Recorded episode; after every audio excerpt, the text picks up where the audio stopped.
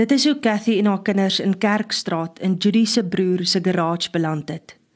Katrina het nie die dae getel nie, maar dit moet al seker amper 2 weke wees vandat tannie Judy se plan begin werk het. My ou boet het tog nie 'n kar nie en sy garage staan leeg, het sy gesê en 'n rukkie gedink. Nou nie heeltemal leeg nie, maar hy kan nie gemors uitsmy. Sy hele jaar is anyway vol skrap. Nog skrap sal die saak maak nie, het sy gelag en sy en Judith is saam met hulle oor die Teerstraat Boedorp toe. Nou nie laat die Boedorp se mense ryker as ons is nie, het tannie Judy in die loop vertel.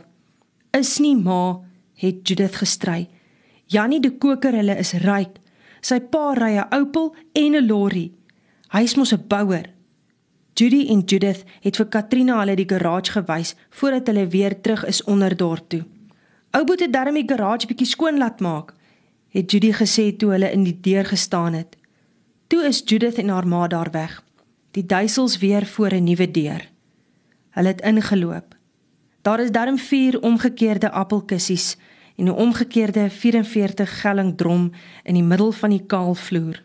Die garage se lende lam deur kan nie heeltemal toe nie, want die ding sleep op die grond omdat die boonste skarnier omtrent deurgeroes is.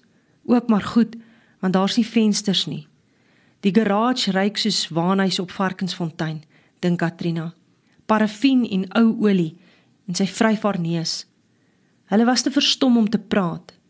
Nou sit hulle vier plat op die sementvloer met hulle rug teen die een lang muur, langs mekaar op hulle blakers met die bene voor hulle uitgestrek.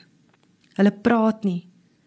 Die reën op die sinkdak is die enigste geluid en die enigste troos. Haar ma huil en Nester hou haar ma se hand vas. Dalk is dit beter so, ma. Oom Dors het van die begin af vir ons gelieg. Ons sal onsself moet help sien ek. Haar ma antwoord nie, snuif net. Toe staan die kort, vetterige mannetjie in die deur met 'n hoed op sy kop. Teen die lig kan hulle nie sien wie dit is nie. Cathy skuif haarself teen die muur op. Die man staan in die garage in, uit die reën uit. 'n Bruin flennie broek en 'n groenerige baadjie. Moenie skrik nie, ek is Bende Koker. Ek is julle ouderling. Ons is nie kerkmense nie. Is alwaar Cathy kan dink op te sê. Die kerk was te ver van Parkinsfontein af, wou sy verduidelik en die kinders is al drie gedoop omdat hulle pa so gesê het. Maar sy sê niks verder nie. Dit maak nie saak nie, sê die ouderling. Jesus het eers gehelp en dan gevra of jy in die kerk is. Ek het by Judy van Staden gehoor julle is nou hier in my wijk en ek het kom hoor of ek kan help. Dit is waarvoor die kerk daar is. Waar was die kerk tot nou toe? wil Katrina vra, maar sy sien die trane in haar ma se oë. Ons het niks nodig nie, sê haar ma. Nogtans, sê die ouderling te koker, ek sal reël dat daar vir julle 'n boks kruideniersware afgelewer word. Dankie. Die ouderling staan effens dieper die motorhuis in, seker omdat hy nat reën, dink Katrina. Ek hoor jy's in die skool, sê hy direk vir Katrina. Waar sal die oom dit hoor? wonder Katrina. My seun Jannie sê hy is in jou klas en hy het vertel hoe mooi jy kan sing. Jannie sê Judith het hom vertel dat jy nou in haar oom se garage moet bly omdat jou pa julle huis verkoop het. Hy is nie ons pa nie, sê Hester, en dit was nie sy huis nie. Oom Dors het vir ons gelieg, sê Jopie. Die ouderling reageer nie op Jopie se inligting nie. Hy vra net: "En jy, my boet, is jy ook al in die skool?" "Ek was, maar nou weet ek nie meer nie." "Is die skool vir jou lekker?" vra die ouderling. "Nie eintlik nie, oom, maar ek gaan want ons kry kos." Hulle ma sit haar hand op Jopie se skouer asof sy hom pleit om nie verder te praat nie. Die ouderling lag sag uit sy groot maag uit. "En jy?" vra hy vir Hester. "Ek gaan nie weer skool toe nie. Ek gaan werk." "Is jy al 16?" "Nee, maar ek gaan nie terug nie. Ek wil geld verdien. Ek wil my ma help." "Ek sien nou, as 'n mens jou nie self help nie, sal jy arm bly." "Ek het vir jou 'n plan," sê die ouderling. "Maar dan moet jy eers nog 'n rukkie in die skool bly." "Wat 'n plan?" vra Esther. Ek is 'n boukontrakteur en daar's altyd leë verfblikke in my stoor. As jy wil, kan jy die blikke kom haal. Die kwekery hier bo teen die rand koop leë verfblikke om hulle plantjies in te plant. Jy kan die blikke gaan verkoop. Waar is oom se stoor? Net hier om die hoek. Ek sê jou gaan wys. Esther staan effe terug asof sy daarmee wil sê, Ek het 'n oplossing. En jy my kind? vra hy vir Katrina. Ek wil skool toe gaan, oom. Juffrou het gesê sy wil my vir die kunswedstryd inskryf, maar nou weet ek nie waar ons skoolfonds gaan kry nie. Ek sal gaan praat, sê die ouderling. Ek is 'n lid van die skoolkomitee. Sy droom daarvan om onderwyseres te word, sê haar ma. Die ouderling raak vlugtig aan Katrina se blonde hare. Bly net droom my kind. Dis drome wat ons volk gaan red. Katrina wil vra wat die oom bedoel, maar hy groet. Ek sal krydeniersware laat stuur mevrou. Die kerk sal help.